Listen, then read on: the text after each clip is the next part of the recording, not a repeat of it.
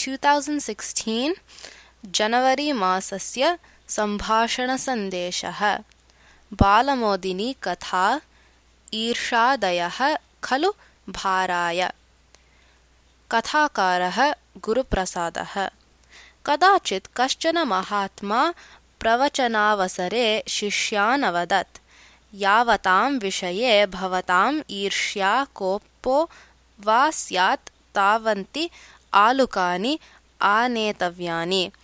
एकैकस्य उपरि तत्तस्य नाम लिखितं भवेत् इति। अनन्तरदिने जनाः आलुकानि स्वीकृत्य आगताः। एकेन पञ्च आनीतानि अन्येन दश। अपरेण इत्योधिकानि।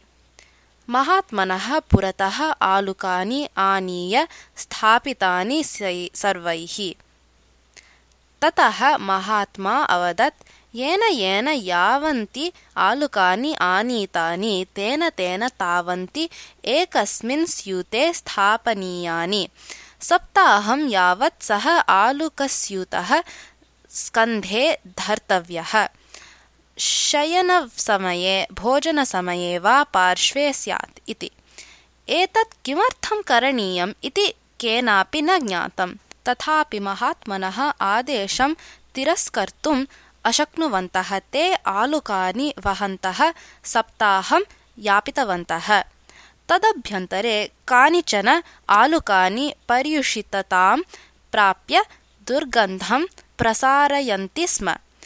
भारकारणतः आदिनं तेषां वहनमपि कष्टाय भवति स्म। तथापि कष्टेन सर्वं सोढुम् सप्ताहानन्तरं गुरुः तान् सर्वान् आहूतवान्। आलुकस्यूतान् मम पुरतः स्थापयन्तु भवन्तः इति अवदत् च। गुरुणा यथा उक्तं तथैव कृतवन्तः सर्वे।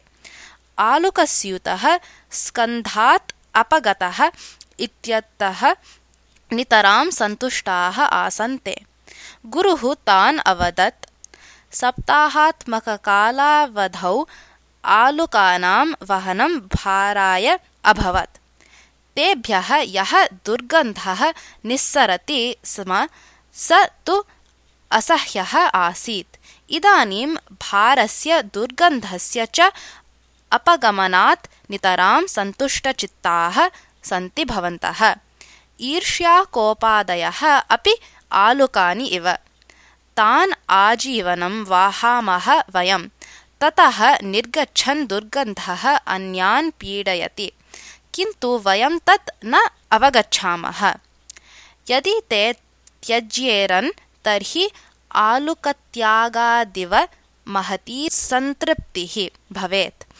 यदि शक्यं तर्हि सर्वान् प्रीत्या पश्यत। तदा तु मनः सन्तुष्टं शान्तं भाररहितं च स्यात् ईर्ष्यादेशादिकं परित्यक्तं चेत् जीवनं स्वच्छं निर्मलं च स्यात्। यदि ईर्ष्यादेशादिकं सदा मनसि स्थापयेम तर्हि मनसः अस्वास्थ्यं ततः जीवनस्य दुर्गतिः च भवेत् इति। भवता युक्तमेव उक्तं महोदय। परिणामम् अविदित्वा ईर्ष्यादेशादीन् आजीवनं वहन्तः वयं जीवनस्य व्यर्थतां कल्पयन्तः भवामः इति अवदत् कश्चन भक्तः। महात्मा मन्दहासं प्रकटितवान्। कथा समाप्ता